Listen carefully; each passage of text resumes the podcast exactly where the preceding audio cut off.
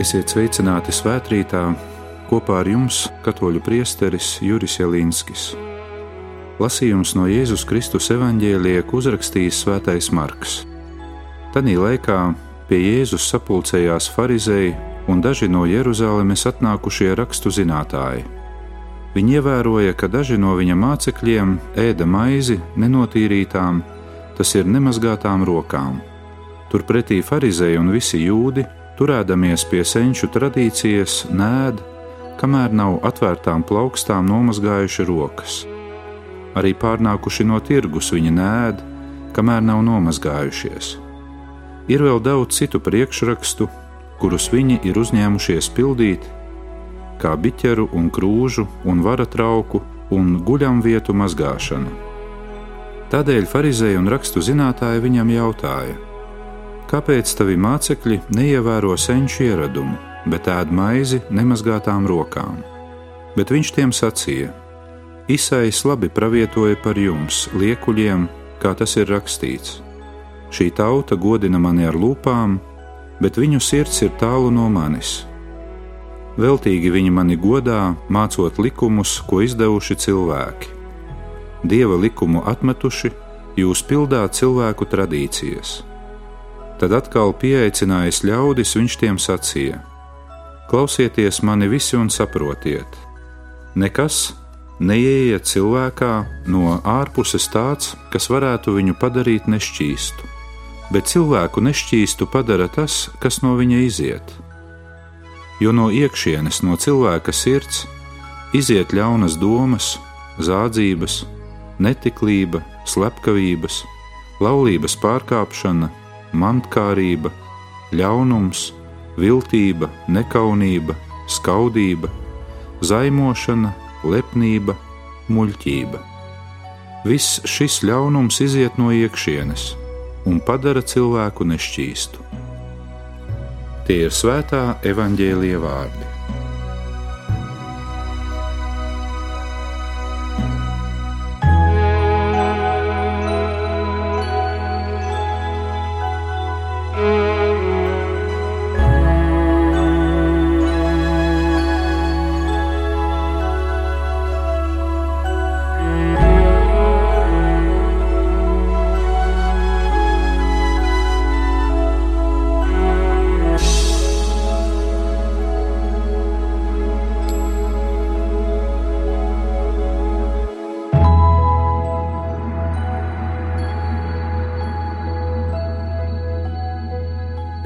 Evanģēlīja grāmatās mēs ļoti bieži esam sastapušies ar visdažādākajiem pārmetumiem, kurus farizēji adresēja Kristum. Tikko dzirdētā evanģēlīja kritikas objekts ir tas, ka Jēzus mācekļi neievēroja senču ieradumus un ēda maizi nemazgātām rokām.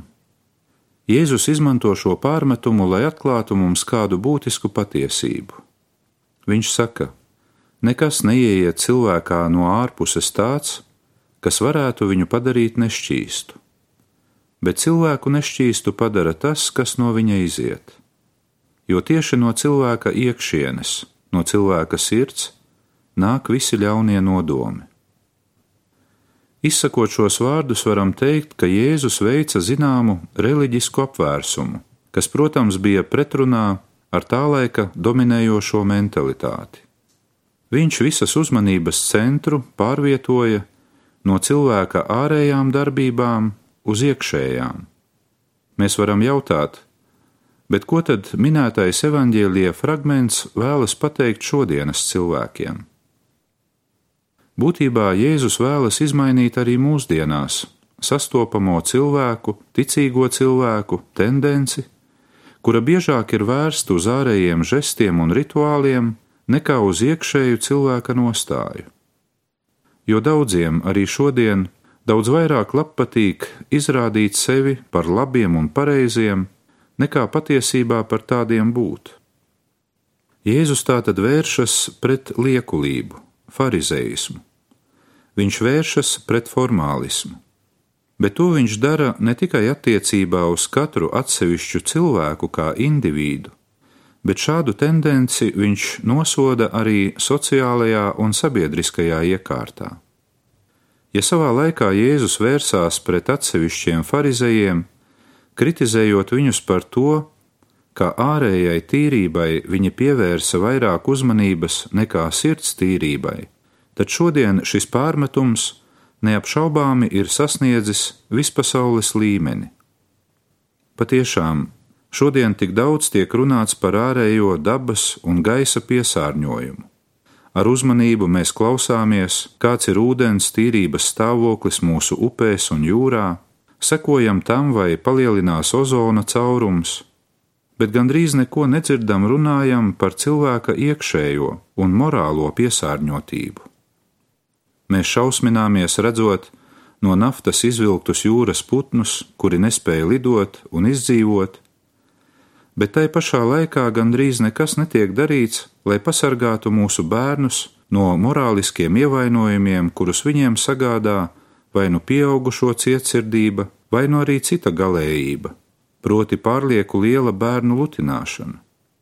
Runājot vēl konkrētāk, paši par sevi varam teikt, ka mēs patiešām esam ļoti uzmanīgi par to, kas mūsos ienāk caur muti.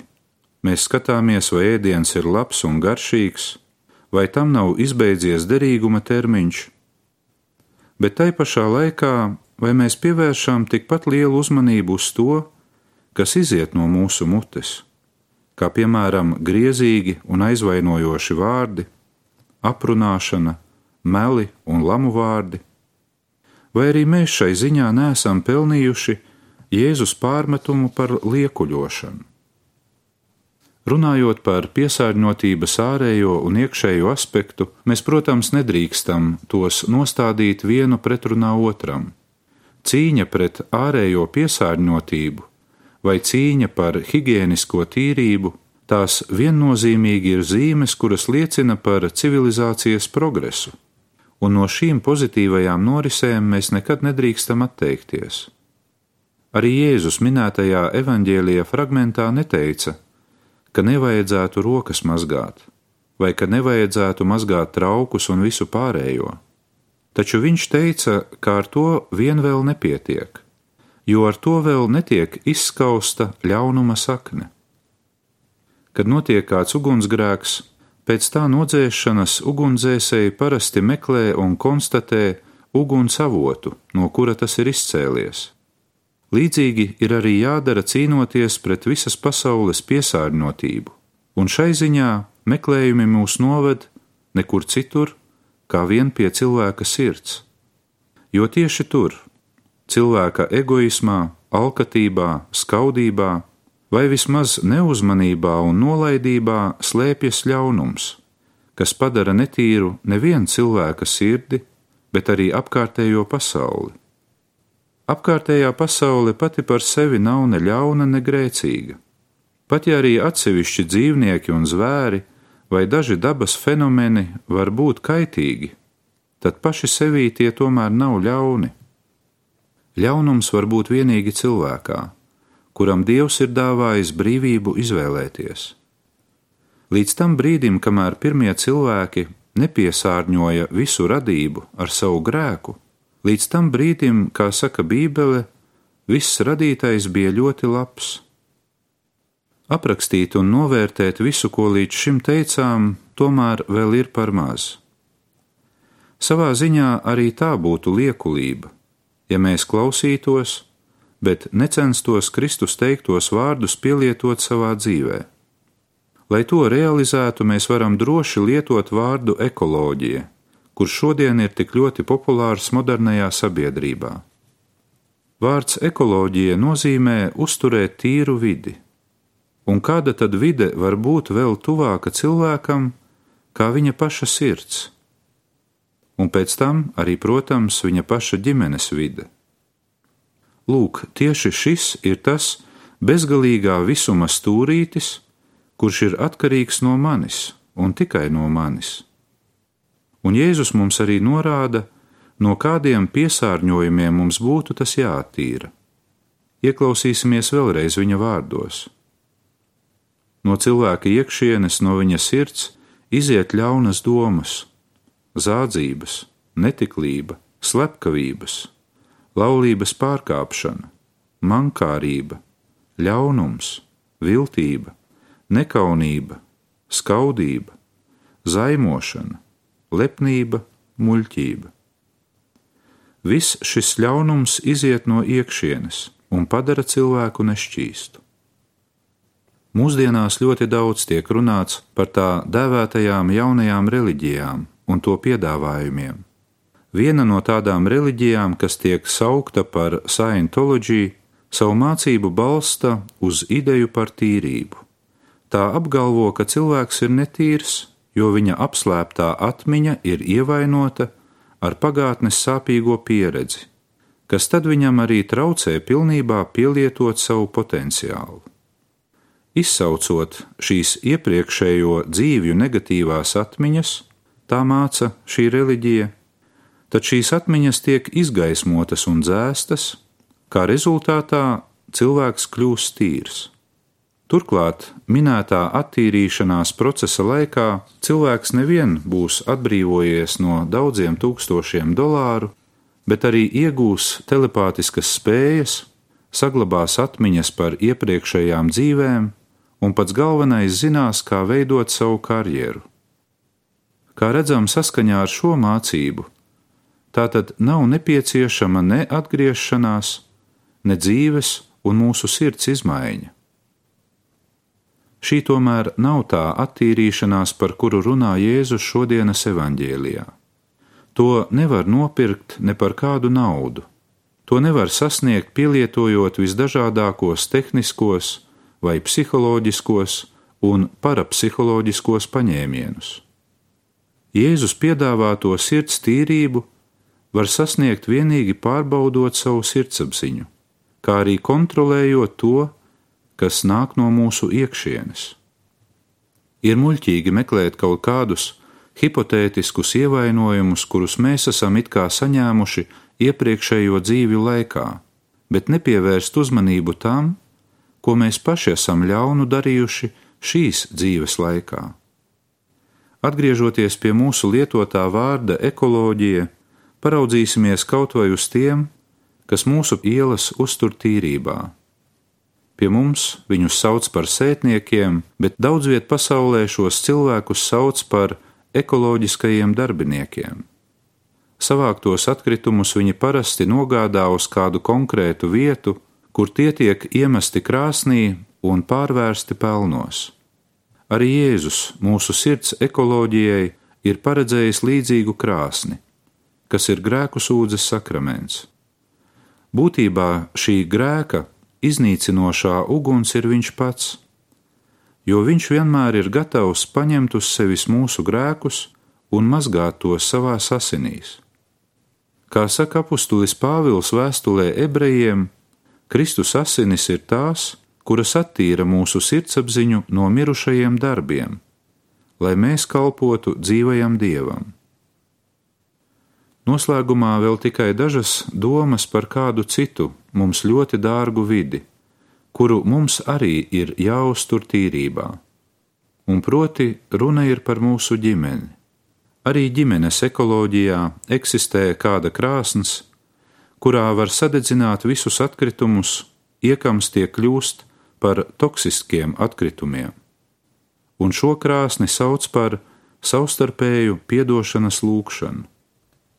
Patiešām, cik bieži šis vienkāršais žests ienes miera atmosfēru ģimenē, tas ievieš uzticību un palīdz visu sākt no jauna ar vēl lielāku mīlestību un pašatdevi. Jāsaka tomēr, ka ļoti bieži var sastapt vīrus un sievas, no kuru lūpām nekad nav atskanējis vārds piedot. Ja nu kādreiz tas ir atskanējis, tad tas nav bijis no sirds teikts, vai nu tam tika pievienoti citi vārdi, ne īpaši atbilstoši.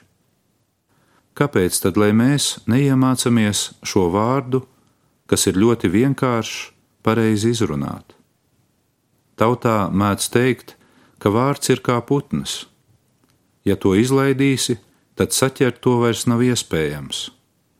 Šai ziņā tomēr ir jāsaka, ka caur piedošanas lūgšanu mēs patiešām varam savus vārdus un rīcību atsaukt arī atpakaļ. Pirms nekā noslēgt mūsu pārdomas, atcerēsimies vēlreiz šo svarīgo principu, kuru Jēzus mums atklāja šodienas evaņģēlijā. Nekas neieiet cilvēkā no ārpuses tāds, kas varētu viņu padarīt nešķīstu, bet cilvēku nešķīstu padara tas, kas no viņa iziet. Lai ir slavēts Jēzus Kristus! Tu mans Dievs, manā gaismā, esmu šeit tavā priekšā, piepildī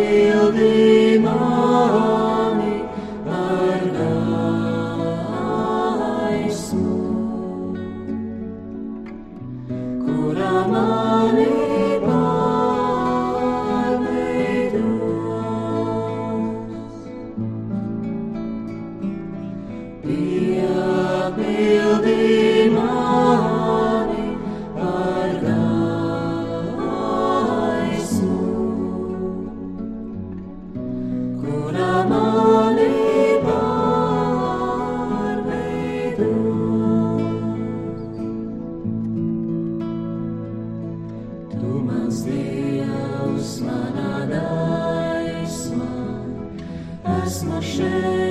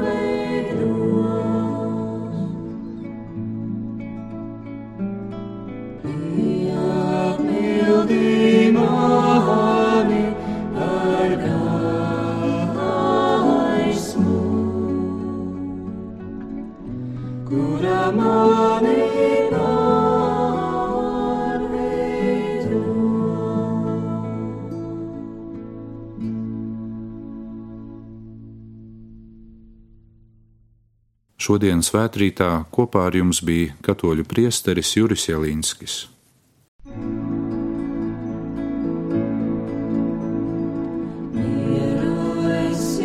Atstāju, savu mieru es jums dodu. Mieru es jums atstāju, savu mieru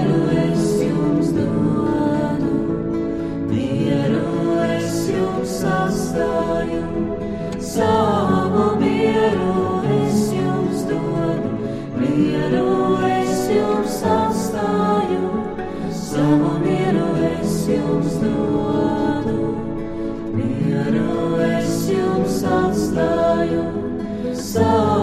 mieru es jums dodu.